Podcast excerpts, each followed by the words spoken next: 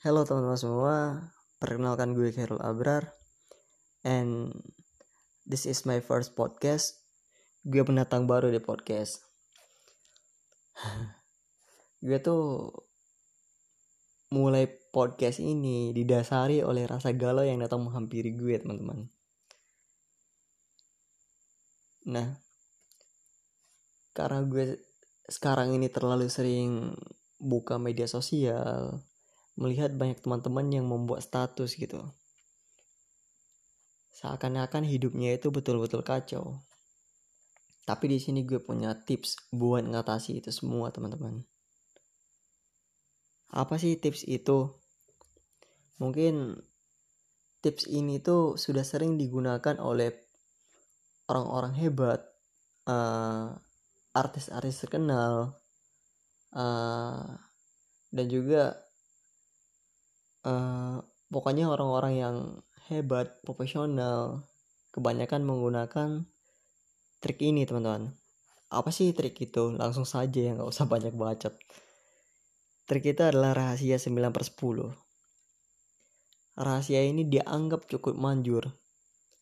Memang sangat luar biasa. Sedikit orang yang tahu dan menerapkan rahasia ini. Hasilnya apa?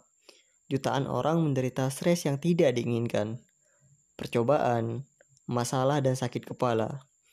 Mereka kelihatannya tidak pernah mengalami kesuksesan. Hari-hari buruk datang mengikuti hari-hari buruk. Hal-hal yang tidak yang tidak enak kelihatannya selalu terjadi. Kekhawatiran menghabiskan banyak waktu. Amarah memutuskan persahabatan dan hidup kelihatan menjadi menakutkan dan tidak dinikmati sepenuhnya. Sahabat hilang, hidup membosankan, dan sering kelihatan kejam. Apakah ini menggambarkan keadaanmu sekarang? Jika iya, gak usah bertawar hati, apa? Gak usah bertawar hati. Engkau dapat berubah, kamu tuh bisa berubah, asalkan kamu pahami dan lakukan rahasia 9 per 10 ini dan ini akan mengubah hidupmu. Apa sih rahasia 9 per 10 itu? Nih, gue kasih tahu ya. 10% kehidupan dibuat oleh hal-hal yang terjadi terhadap kita. 90% kehidupan ditentukan oleh bagaimana kita bereaksi atau memberi, memberi respon. Artinya apa? Kita sungguh-sungguh tidak bisa mengontrol 10% kejadian-kejadian yang menimpa kita. Kita tidak dapat mencegah kerusakan pada motor kita misalnya mau berangkat kuliah gitu. Atau misalnya jika kita mau pulang kampung, kita pun gak bisa mencegah. Pesawat mungkin bisa saja datang terlambat gitu. Dan mengacau misalnya nih kita mau meeting terjadinya macet gitu kita nggak bisa memaksakan kejadian tersebut gitu dan akhirnya apa? Seluruh jadwal kita tuh kacau. Kita nggak punya kontrol atas 10 hal ini, teman-teman. Yang sebelum yang 90% lagi berbeda. Kita menentukan yang 90% ini. Bagaimana dengan reaksi kita? Kita tidak dapat mengontrol lampu merah, tapi kita tuh dapat mengontrol reaksi kita. Jangan biarkan orang lain mempermainkan kita. Kita dapat mengendalikan reaksi kita. Oke, nih gue kasih sebuah contoh. Misalnya, engkau sedang harap sedang sarapan bersama keluarga misalnya. Adik perempuanmu menumpahkan secangkir kopi ke meja kerjamu. Engkau tidak dapat mengendalikan apa yang telah terjadi itu apa yang terjadi kemudian akan ditentukan oleh bagaimana kamu bereaksi itu. Kamu mengumpat dengan kasar, memarahi adikmu yang menumpahkan kopi. Dia menangis. Setelah itu, kamu melihat ke istrimu dan mengkritiknya. Karena telah menaruh kopi, karena telah apa? Menaruh cangkir kopi terlalu dekat dengan tepi meja.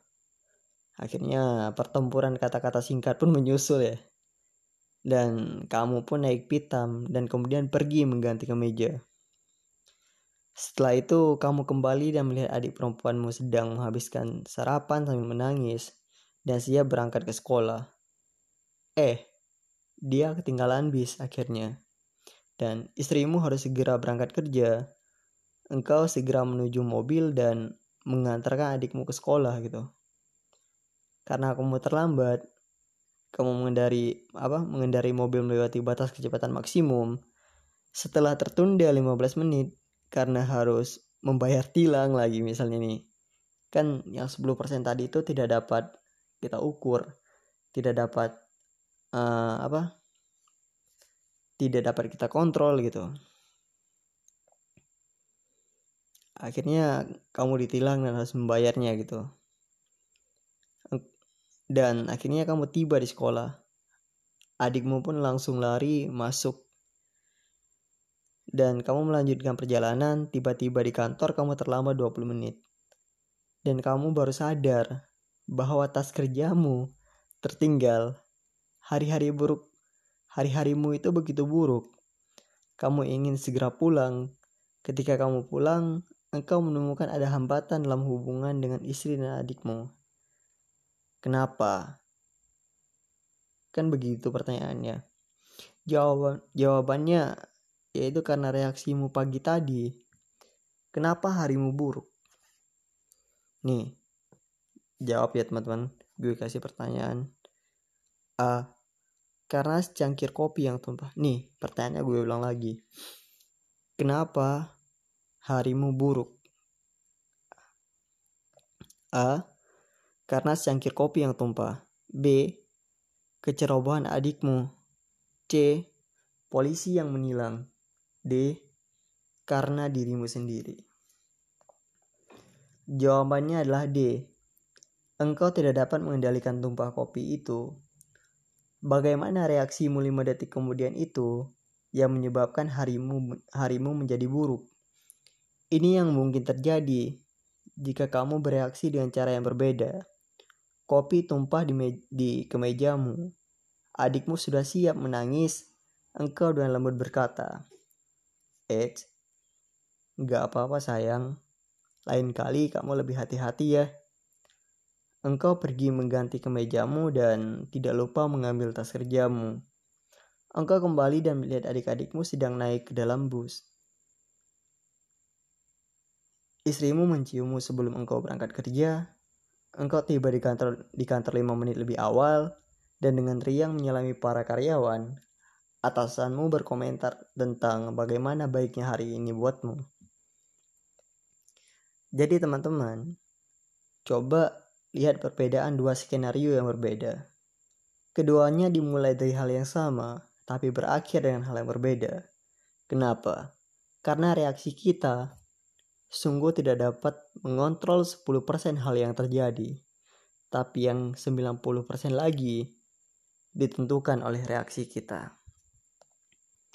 Oke teman-teman, cukup sekian podcast gue kali ini. Dan gue minta maaf sebesar-besarnya bila ada kesalahan. Dan oke, selamat jumpa. Sampai jumpa di podcast selanjutnya. Bye-bye.